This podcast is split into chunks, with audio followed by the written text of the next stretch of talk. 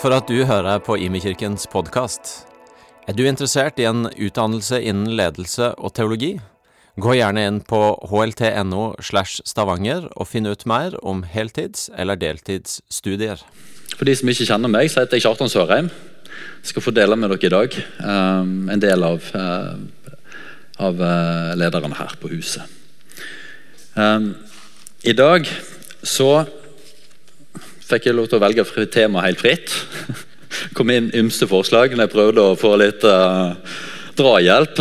Så falt jeg ut at nei, nå gjør jeg det sånn så, nå gjør jeg det som jeg opplever Gud kaller meg til å gjøre akkurat nå. Uh, det gjelder noe som ligger meg på hjertet. Um, uh, hvis dere ser ja, Der er det kommet opp, ja.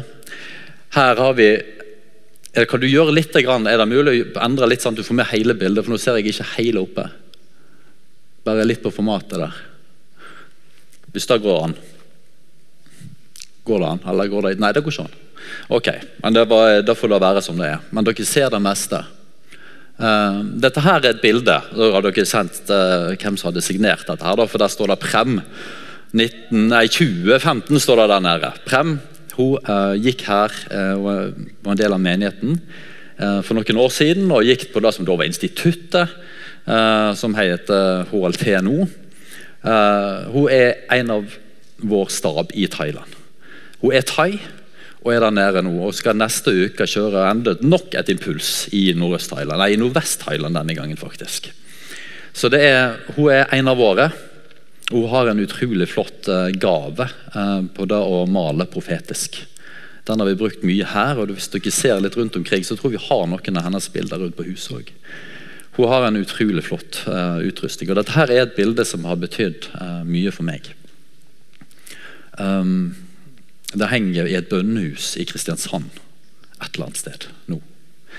Uh, dette her er et bilde av um, en, en, en, profeti som Esekiel fikk fra Gud. og som står beskrevet i uh, Esekiel kapittel uh, 47. Og Jeg syns det er helt nydelig å stå og se på dette her bildet. Um, og Det jeg skal snakke om i dag, um, det trenger en sånn estetisk bakgrunn.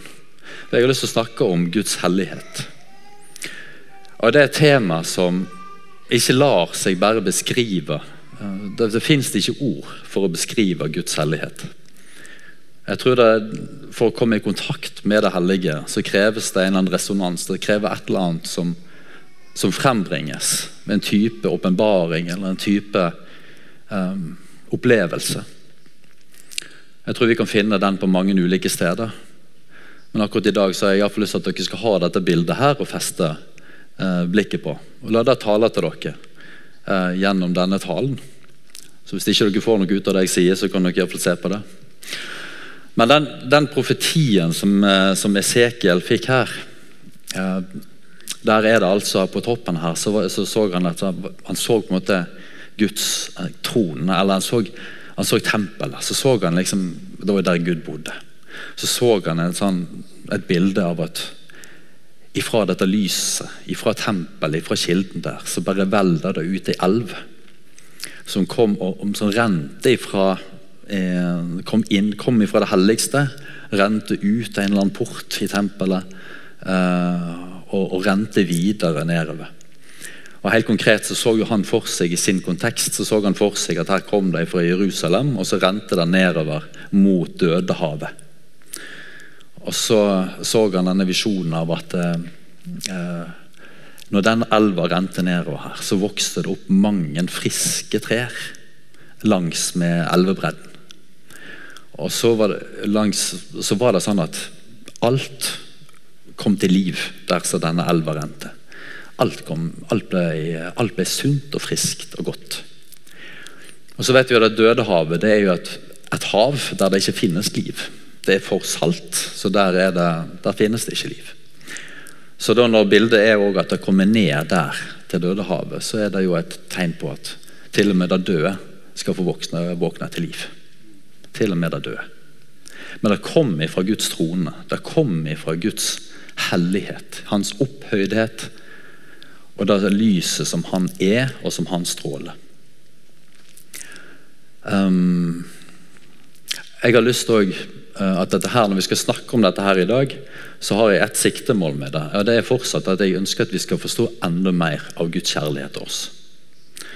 Så Når vi snakker om Guds hellighet, så må vi snakke liksom om alt det som har med Gud å gjøre. Men vi skal komme tilbake til Guds kjærlighet. For jeg tenker at Det er på en måte den, det den retningen vi må ha på det. Fordi om Guds hellighet omfatter så mye mer, så er, det, så er på en måte Guds kjærlighet målet. Sant? Så der, der er vi i dag òg. Litt av settingen for Esekiel og Esekiel, hele profeten Esekiel, var at han, var, han levde ca. 600-550 år før, eh, før, Jesus ble født. Når han levde, når han var ca. 25 år gammel, så ble han ført i eksil sammen med, eh, sin, eh, med, med israelittene. Så ble han ført i eksil i Babylon. Så det var i Babylon, og han var bortført, og alt hadde på en måte gått galt. Eh, det er der han sitter og begynner å få sine åpenbaringer. Um, og så, når Gud begynner å tale til ham, så kan vi lese i Esekiel kapittel 1. Jeg skal bare lese noen av de versene som beskriver den, den kallelsen som Esekiel fikk. Nå skal jeg, lese fra, jeg skal lese vers 4, og så skal jeg lese vers 28. Jeg så og se, en stormvind kom fra nord, ei stor sky og flammende ild. Det var lysglans omkring den, og ut fra midten blinka det som av skinnende metall ut av ilden. Det er et ganske mektig syn. Så står det i vers 28. Lysglansen så ut som buen i skya på en regnværsdag. Det var dette Herrens, herre, det var dette Herrens herlighet liggende. Slik så han ut. Da jeg fikk se det, da kasta jeg meg ned med ansiktet mot jorda og hørte røsten av en som talte. Sånn var det han fikk sin, sin kallelse. Med et voldsom åpenbaringen av Guds herlighet, der han sitter på sin trone og stråler. Og så er det sånn at Esekiel han um, så Etter hvert så begynte han å få uh, ulike profetier. Og så er det sånn at De første to tredjedelene av boka egentlig er dedikert til å fortelle om alt som var gale. Alt som dårlig stilt. Vedrop altså over uh, Jerusalem, over israelsfolket og alle folkeslagene. Veldig klar tale på alt som var gale, og hva som var konsekvensen av det. Og Den store sorgen for Esekiel var jo at tempelet, det, det utenkelige som skjedde, at Guds tempel der Gud bodde, ble rasert. Eh, Israelsfolket var ført vekk. Og der de hadde alle sine løfter knytta til, der fantes det ikke lenger. Eh, skremmende visjon, men den kom ifra Gud. Det var en konsekvens av Guds hellighet i møte med israelsfolket sitt mangel på hellighet. Så måtte det bli sånn. Men heldigvis så stopper ikke Esekiel sine syner der. Hans andre tempelvisjon er der vi ser litt en, en del av på dette bildet her. Der han ser på en måte at tempelet blir gjenreist, og Guds nærvær kommer tilbake i Jerusalem. Og det kommer masse løfter knytta til det nye livet. Masse løfter knytta til det nye livet. En gjenreising av Guds nærvær. Og Når vi skal forstå disse profetiene til Esekiel, så vi, kan vi iallfall se tre ulike lag av dette. Sånn tror jeg det er med de fleste profetiene vi finner i GT. Da vi første, første gangen vi kan se at dette faktisk blir realisert. For Esekiel var jo når Esra og Nehemja og og gjengen holdt på å si det, når de kom tilbake til Jerusalem og faktisk fikk gjenoppbygga Guds tempel. De fikk gjenoppbygga det. Guds trone på jord ble gjenopprettet. Um, det andre laget vi kan se av dette, her, er jo når, når Jesus kom. Dette er helt klart en profeti om hva som skjer når han kom og bringte Guds rike tilbake til oss og nær oss. Når denne elva her, på en måte, når han sender, når Jesus kommer fra tronen og blir sendt ut som en sånn levende elv som kommer og flyter ned langs der vi er, og der Hans ord blir forkynt, så skjer det. Da skapes det liv der som det tidligere var dødt. Og så er det et tredje lag av disse profetiene her som ennå ikke har skjedd, men som kommer en gang. Når absolutt alt skal bli friskt. Når himmelen skal gjenopprettes, og vi skal igjen kunne stå ansikt til ansikt med Gud. Og se Han som Han er. Den dagen kommer.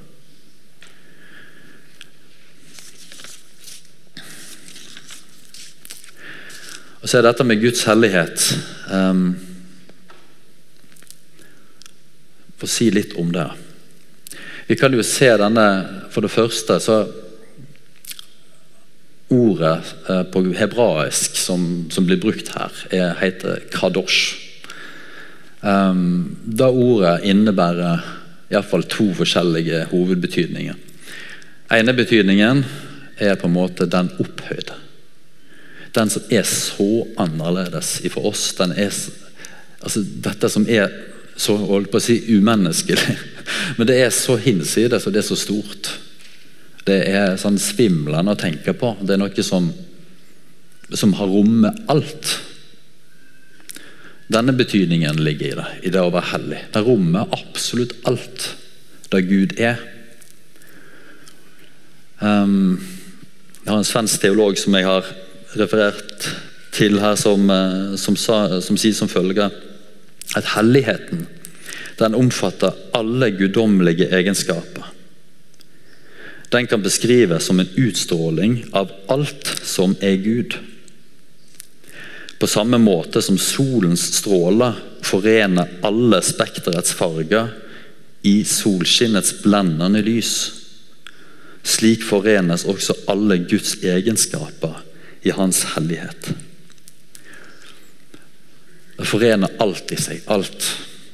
Og det er, det er, så høyt. På en måte så er det så utilgjengelig for oss. Det er, på, det er himmelen. Det er Gud, og det er Hans hellighet. Det er Hans trone. Og så har vi den andre betydningen som går på dette lyset. Dette overveldende lyset som, eh, som stråler ut ifra Hans trone. Og Dette lyset det er jo blitt gjort tilgjengelig for oss på ulike måter. Og dette, og dette lyset er jo det som møter andre store profeter og andre personer som vi kan lese om i Bibelen, som får et sånt overveldende møte med Gud.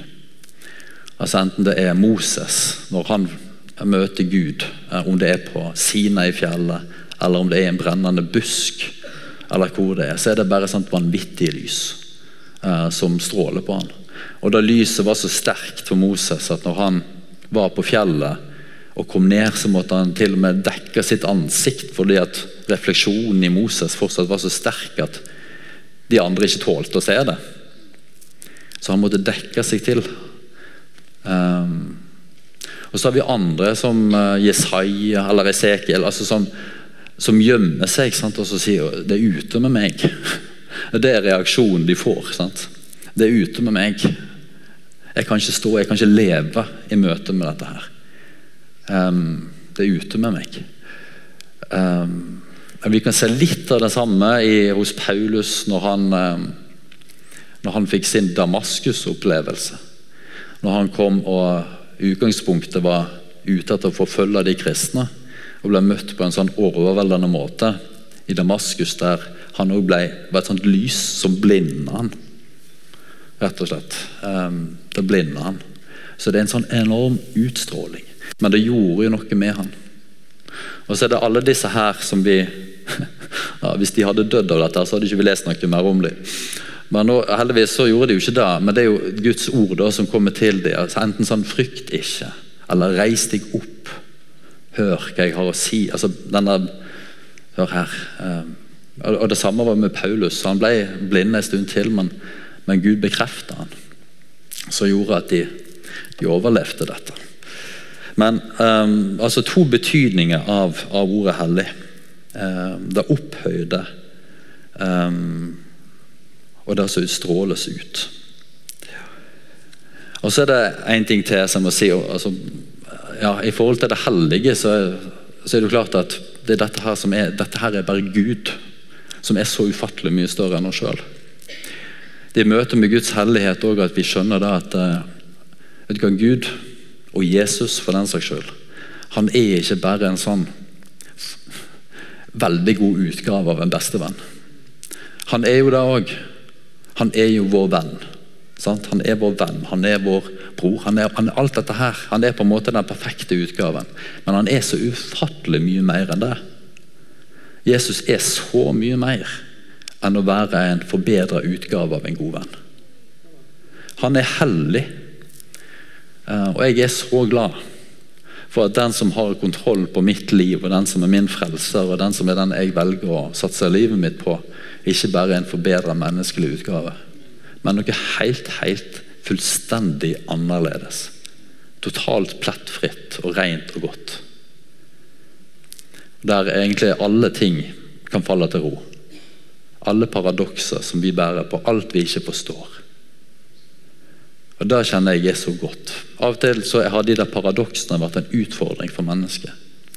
For mennesket har helt siden kirkes første periode så har ikke regnestykket med Gud gått opp.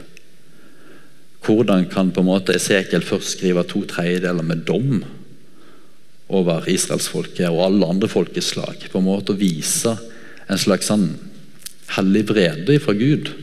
Hvordan kan det sammenfattes med den kjærligheten vi møter i resten? Det er ikke mulig for oss å forstå. Men det jeg vet, er at alt sammenfatter hvem Gud er. Og så er noe av freden dette her, at jeg kan få lov til å legge ned og forstå i møte med den hellige Gud. Det er noe at Han kan bare komme og åpenbare for oss hvem Han er, og hva han vil. Og jeg syns akkurat her så er det fantastisk frihet i å da kunne underkaste seg en majestet og en konge som jeg virkelig tror er den han sier han er. Og det, Der er det mye som kan få hvile. Og de tingene som vi måtte oppleve i verden eh, i dag eller i vårt eget liv sant? Mange rystelser. Det regnestykket går jo ikke opp. Men da å få lov til å vite det at ja, men jeg tror jo på en Gud som er så ufattelig mye større enn min, min forståelse.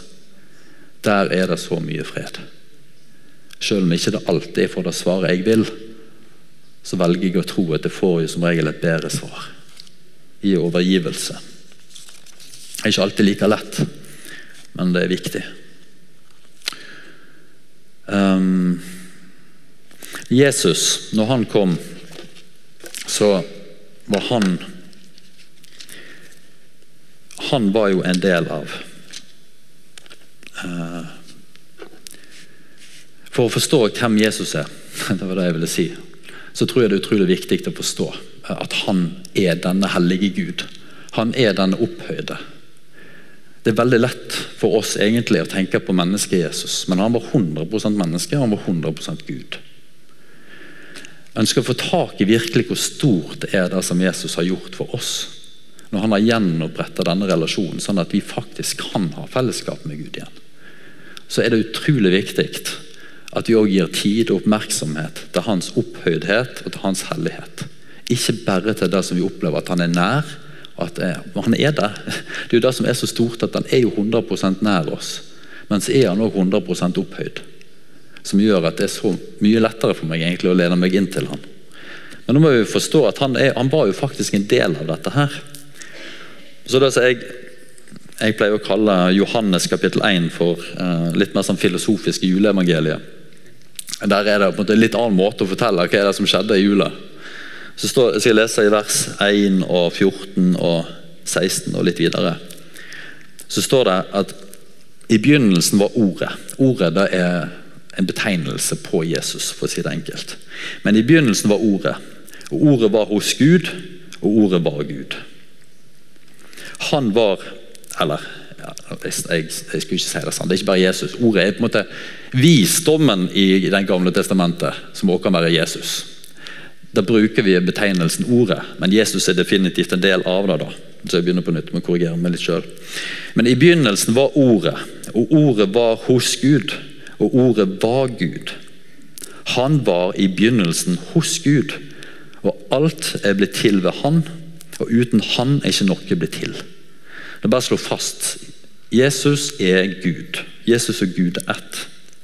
Nå står det videre i, i vers eh, Jeg vil lese vers 14 og videre. Og ordet ble menneske og tok bolig iblant oss. Og vi så hans herlighet. Da fikk vi se hans herlighet igjen. En herlighet som den enbårne sønn har fra sin far. Full av nåde og sannhet.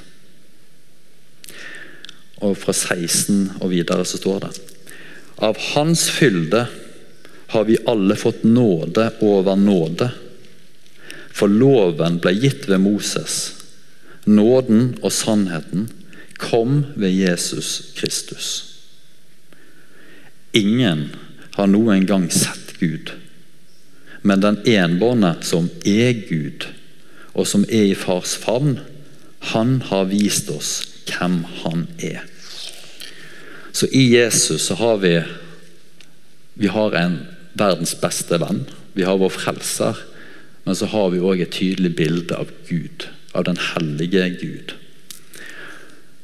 Altså, Når vi skal forstå Jesus' frelsergjerning Det er kanskje litt sånn Kanskje litt på kanten å si det, men, men allikevel. Jeg sier det. Altså, hvis, de, hvis de tenker bare på at Jesus han døde for meg og alle oss Han kom, og han, han døde bare for oss. Så har jeg av og til tenkt uh, Det tror jeg mange av dere kunne gjort. Jeg tror det faktisk er en del mennesker her som kunne vært villig til å ofre sitt liv hvis du visste at du redder hele verden.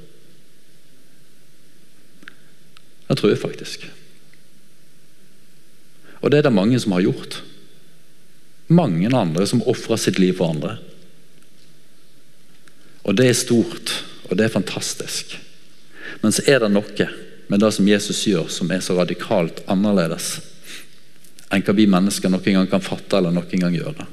Og det er å sone synder for andre. Og det å gjøre oss rene i møte med den hellige Gud. Det kan ikke vi gjøre. Og Det står veldig fint beskrevet i Filipperne. Det tror jeg til og med går opp på veggen her, i Filipperne i kapittel 2. Vers 6-11 skal vi lese det òg.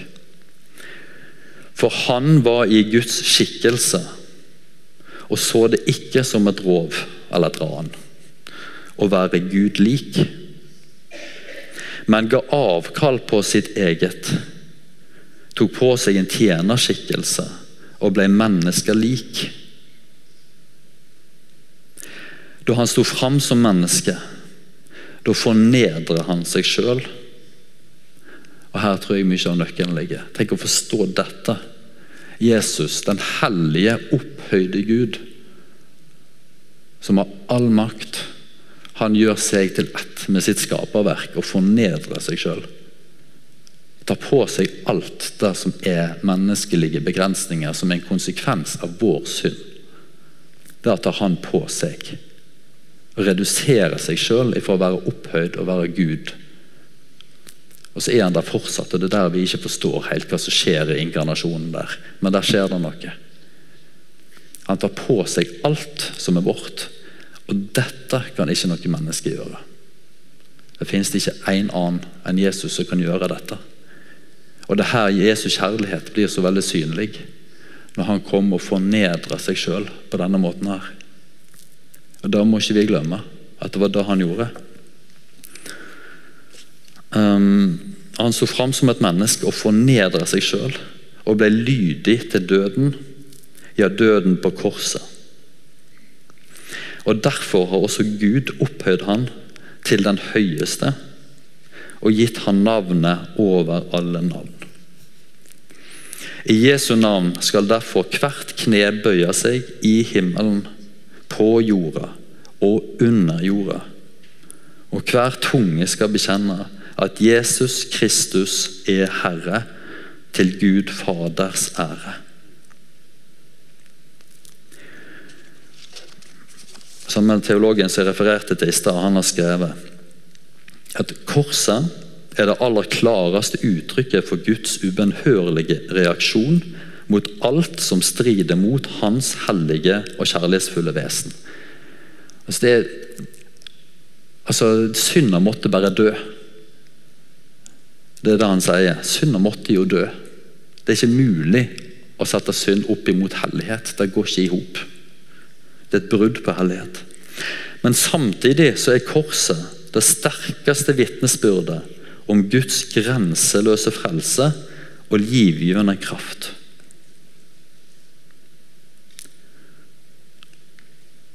Hmm. Nå blir det mye Bibel, men jeg skal gi dere en ting til. Skal, jeg liker å lese mye Bibel. Um, jeg tror i Jesaja så var det, når jeg talte på G11 i dag, så kom det ei fram og delte et vers som jeg tenkte da må jeg bare ta med nå. Jeg tenker Det sier så mye om hvordan vi skal forstå hvordan Gud eh, både er opphøyd og samtidig så nær. Det var det han har gjort gjennom Jesus. Så Jeg leser fra Jesaja 57 og bare vers 15. Der sier han Så sier han som er, opp, som er høy og opphøyd han som troner evig. Den hellige er hans navn. I det høye og hellige bor jeg, og hos den som er knust og nedbøyd i ånden. Jeg vil gi ånden liv hos den som er bøyd ned, og gi hjertet liv hos de som er knust. Så Det er det som er så fantastisk med Gud. At han både bor i dette opphøyde, i det hellige. Men så bor han hos den som er knust og nedbøyd. Der bor han òg.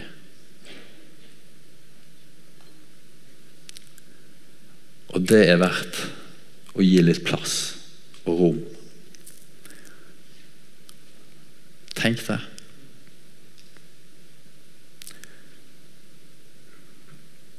Så hvis Gud er for oss, hvem kan da være imot oss? Når Han som er så stor, har valgt å komme ned.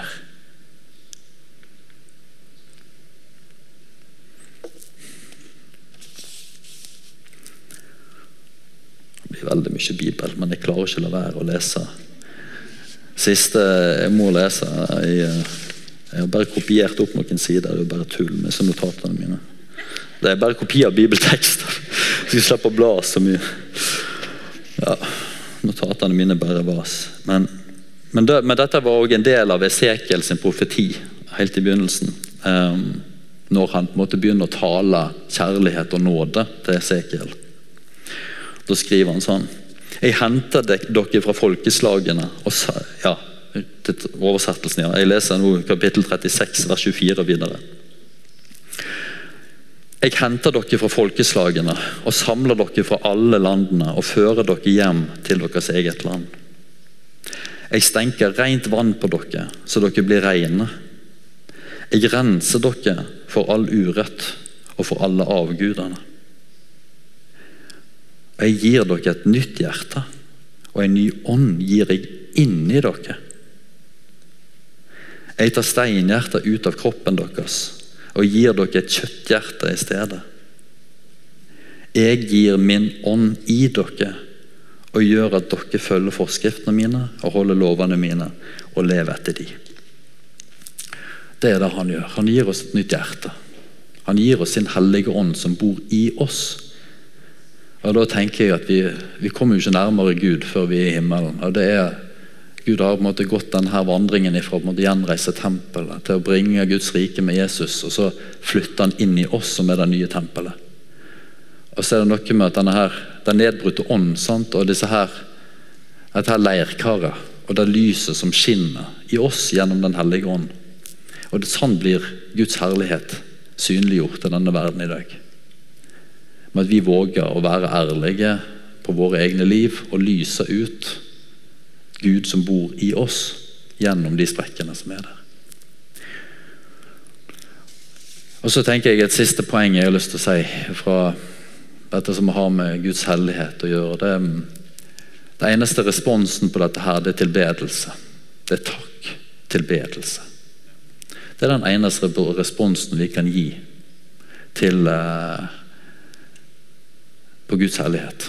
Det er ikke så lett å finne ordene på det, men det er liksom bare å, å få lov til å legge seg ned og underkaste seg. Og bare begynne å, å tilbe Han og ære Han. På dette bildet dere ser, så er det en Der har jeg fått hele bildet med. det er bra. Uh, så er det en uh, Når Esekiel ser dette her, så, uh, så ser han seg sjøl inn i dette her. Så, eller, så blir han på en måte leda ut i denne elva. Det er en del av beskrivelsen av denne profetien. Han blir ledet ut i den, ut i den elva. Så står det at han først så Det var en mann der da, som lot han gå gjennom vannet. Først så vassa han ut av anklene. Og Så gikk han videre, og så sto han til knærne. Og Så gikk han videre, og så kom han til, til hoftene. Men så fortsatte Gud, eller denne mannen, da, å kalle han ut i elva. Og Til slutt så måtte han svømme, for da hadde han på en måte ikke fotfeste lenger. Men da lå han der og svømte. Og jeg tenker Det også kan være en illustrasjon på hva, det, hva vil det si på en måte å, å tilby Gud og respondere på Hans hellighet. Det kan være å, å begynne å gå litt ut i elva. Og så er Gud nådig nok til at vi trenger ikke stupe. Jeg har aldri stupt i mitt liv. Jeg kan ikke nesten ikke svømme. Men, her, men, men, Gud leder oss han leder oss sånn sakte utover. Vi skal få lov til å vokse. Sant? Vi skal få lov til å vokse nærmere han og få lov til å vokse inn i han. Så da, At han tar oss til anklene, der er jeg òg med. altså, altså det måtte gå gradene der, men også å slippe fotfestet. Og la han få lov til å være Gud. Det er der han kaller oss til å være. Uh, og, og, så er, tror jo jeg der at når vi da velger å gi oss over i en sånn elv som dette her, så kan vi få lov til å legge ned og gi slipp på mye av det som er vanskelig å få til å gå opp. Og mye av det som er vanskelig, både i Gud og hvordan han sier om seg sjøl, men òg i det vi møter i livet. Og da faktisk å gi opp kontroll. Eh, det kaller han oss til. Så nå skal vi få lov til å, gå tilbake i tilbedelsen. Og så skal vi bare få være der en stund. Jeg hadde egentlig lyst til å snakke litt mindre i dag og heller tilbe litt mer, men nå ble det sånn. Uh, så jeg tenker at uh, nå skal vi bruke tid i tilbedelse. Jeg har lyst til at vi skal, når vi gjør det, så se for dere denne her, den hellige Gud, eh, som er bare verdig all vår tilbedelse og all vår takk. Kanskje det er der du trenger å være akkurat i dag. Eller kanskje du trenger å for deg deg sjøl. Ok, skal jeg iallfall gå ut etter ankelen? Eller til knæret? Og Så er det ikke fordømmelse i det om du kjenner at jeg kanskje bare stuper ute. Men hva er ditt skritt? Mm. Bare lyst til å be en bønn før vi går inn i tilværelsen. Ja, kjære gode Gud. Vi bare takker og priser og ærer deg for den du er. Du er hellig. Takk for at du valgte å komme ned, Jesus. Takk for at du fornedra deg sjøl. At du var lydig til døden.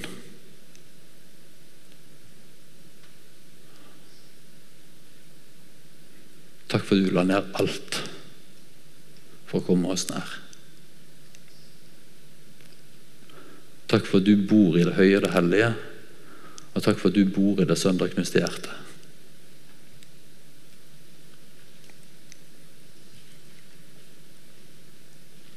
Takk, Jesus. Takk for at det ikke er et eneste problem som er for stort for deg. Du har gjennom hele historien hatt full kontroll, og du har det fortsatt.